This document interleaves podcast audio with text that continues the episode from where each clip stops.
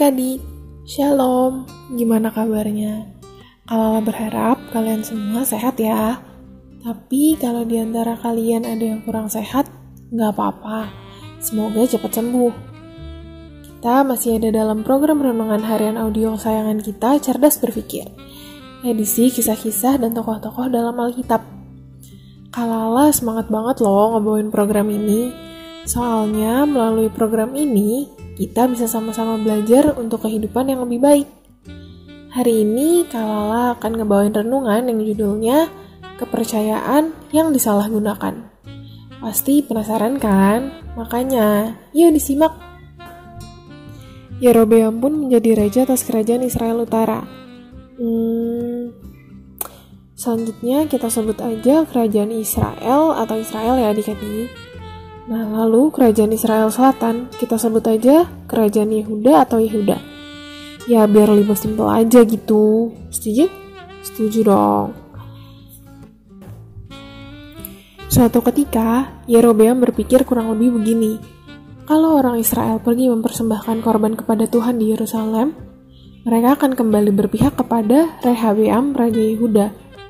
Yerusalem kan wilayah kerajaan Yehuda, 1 Raja-Raja 12 ayat 28 sampai 29 mengisahkan gini. Sesudah menimbang-nimbang, maka raja membuat dua anak lembu jantan dari emas dan ia berkata kepada mereka, "Sudah cukup lamanya kamu pergi ke Yerusalem, hai Israel.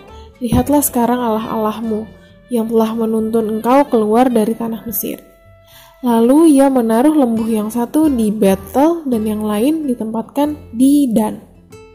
Mirip-mirip sama kisah anak lembu emas di Gunung Sina ya.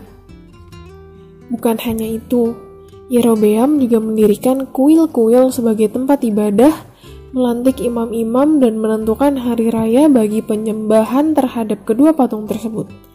Bisa dibilang, dia membuat agama baru yang tidak menyembah Tuhan Allah Abraham, Ishak dan Yakub.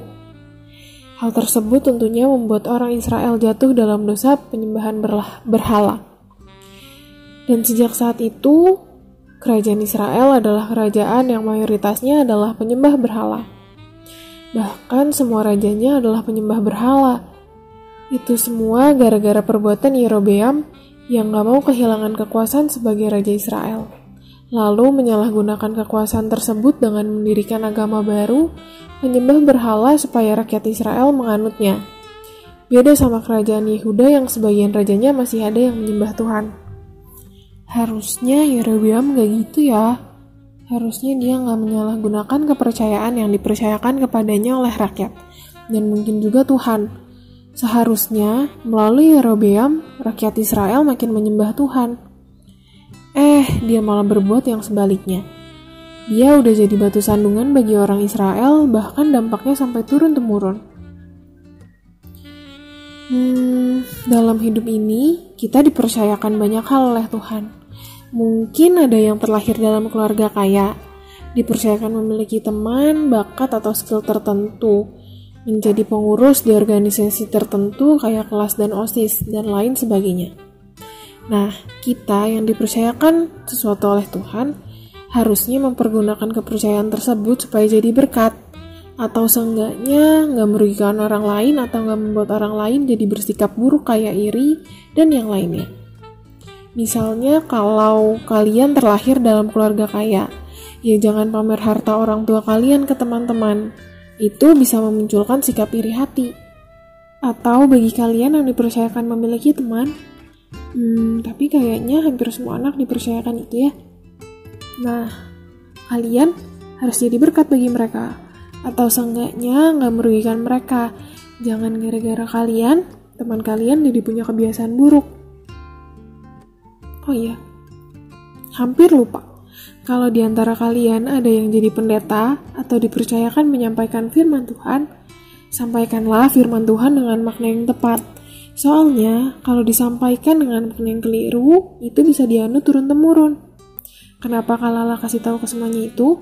Ya karena suatu hari nanti, Tuhan akan meminta pertanggungjawaban atas semua yang kita lakukan. Dan kalau saat itu tiba, biarlah kita membuat Tuhan tersenyum. Oke? Ya kita berdoa. Tuhan terima kasih untuk setiap penyertaanmu sepanjang hari ini. Terima kasih untuk renungan yang sudah kami dengar.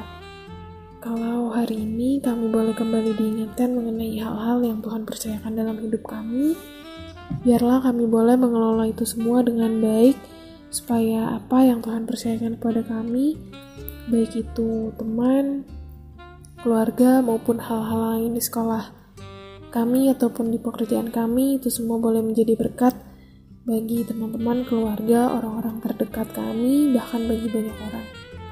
Terima kasih Tuhan untuk renungan pada hari ini. Kiranya kami boleh menjadi semakin lebih baik lagi setiap perbuatan kami setiap hari. Itu semua juga boleh menyenangkan hatimu. Terima kasih Tuhan, kami mengucap syukur untuk renungan hari ini. Dalam nama Tuhan Yesus kami berdoa dan mengucap syukur. Haleluya. Amin.